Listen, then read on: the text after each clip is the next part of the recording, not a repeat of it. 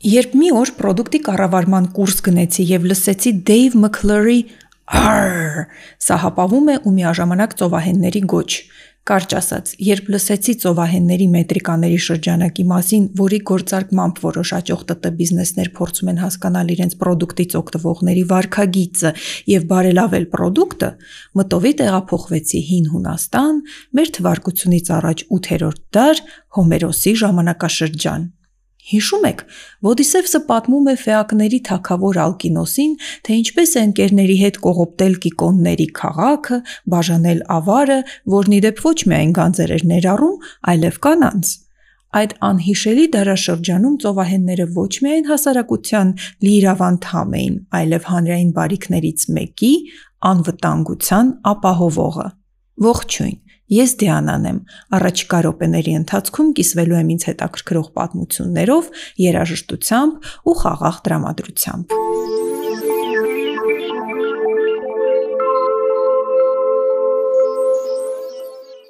Բոլոր ծովահեններին կարելի է բաժանել երկու հիմնական դասի՝ բոլորին թալանող իսկական ծովահեններ եւ պետական ծառայության մեջ գտնվող ծովահեններ ու մասնավոր անձինք։ Կարևոր է հիշել, որ այս երկու դասակարգերը երբեք խիստ տարանջատում չեն ունեցել եւ իրենց կադրերի հոսունությունը մի դասից մյուսը անընդհատ էր։ Հին Հունաստանում ծովահենները վայելում էին իրենց համակարգացիների հարգանքը, տարբեր ձևաչափերով մասնակցում էին պետական կյանքի ընթացքին։ Ծովահեններից ամենահայտնին մեր թվարկությունից առաջ 6-րդ դարում ապրող Պոլիկրատեսն էր։ Այն ժամանակ Էգեյան ծովում գործող ամենահաջողակ եւ ամենանախաձեռնող ծովահենն էր։ 100 տարբեր չափերի առագաստանավերով մի նավատորմ ուներ, ինչի շնորհիվ ոչ միայն պետության ցամաքային սահմաններ պահում, այլև հարևան պետությունների բարեհաջող ռեկետով էր զբաղվում։ Հույները, փյունիկացիները եւ այլ ազգեր շատ լուրջ турք էին վճարում Պոլիկրատեսին, որպեսզի իրենց նավերը չկողոպտեն, նավաստիներին ողջ առողջ պահեն եւ զբաղվեն առևտրով։ Պոլիկրատեսի եկամուտը թույլ էր տվել այնպիսի մի դղյակ կառուցել Սամոս կղզու վրա, որ մարդիկ այն աշխարհի հրաշալիք համարեն։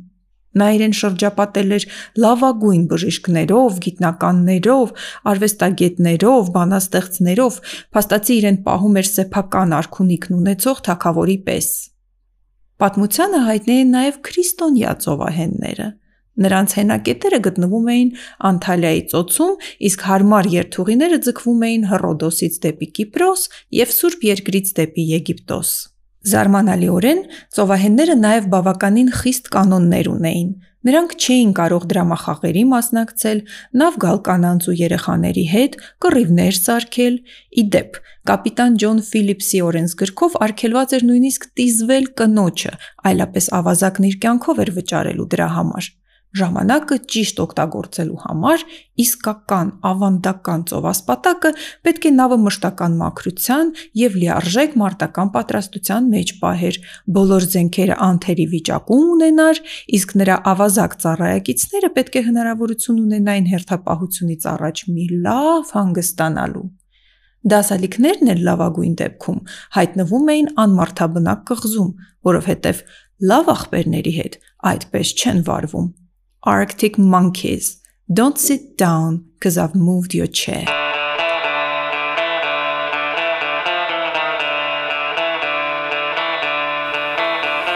Break a mirror,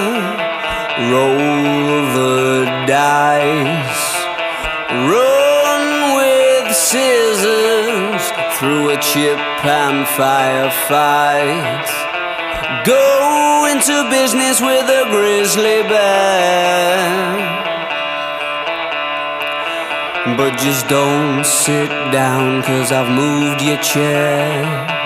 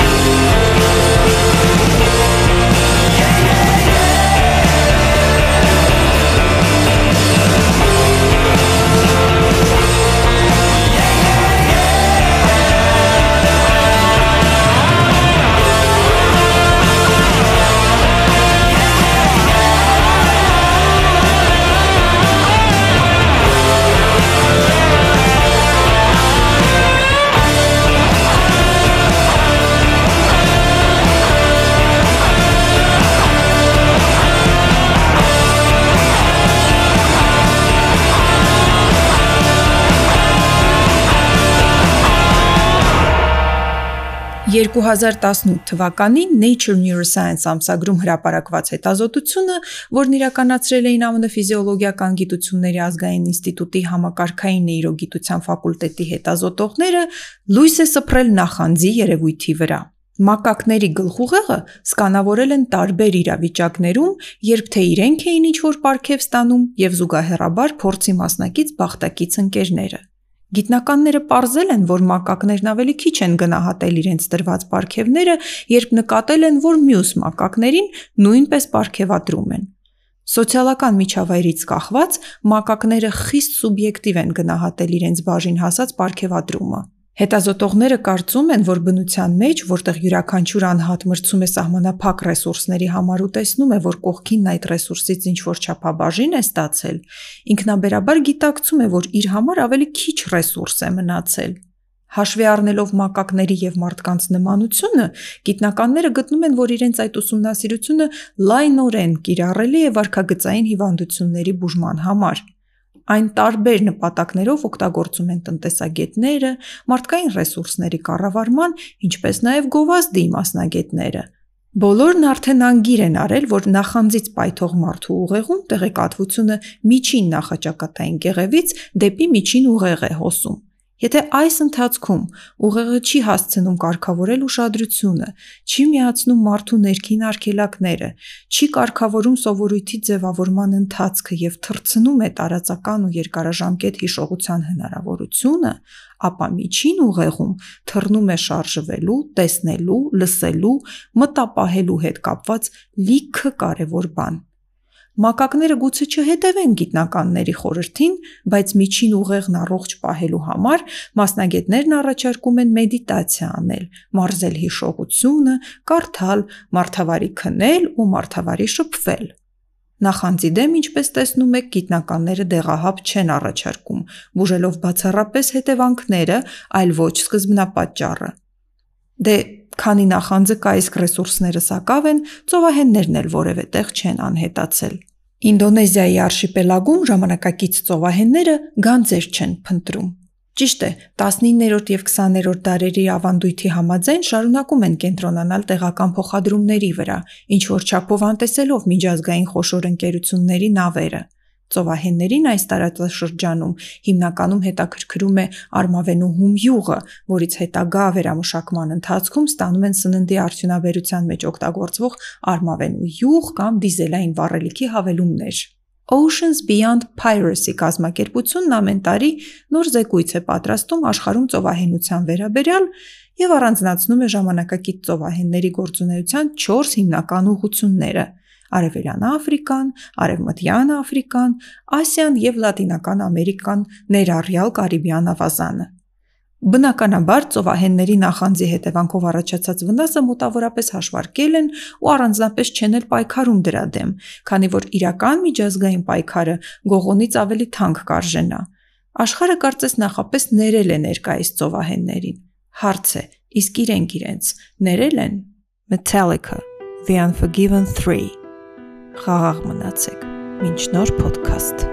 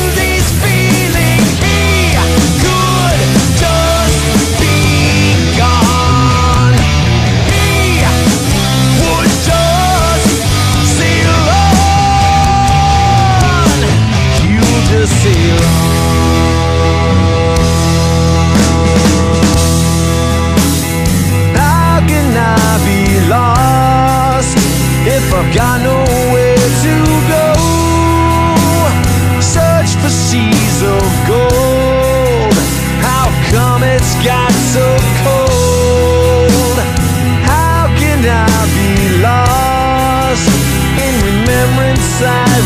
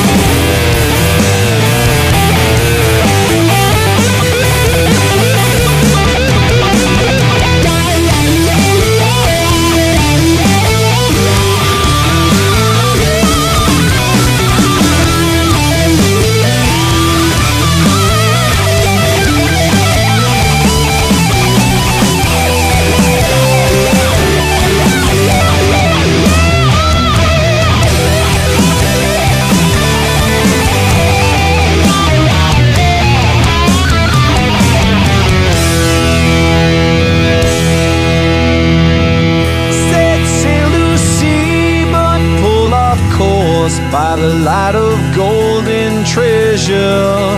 How could he know this new dawn's light would change his life forever? How can I be lost if I've got nowhere to go? Search for seas of gold. How come it's got so cold? How can I silence I relive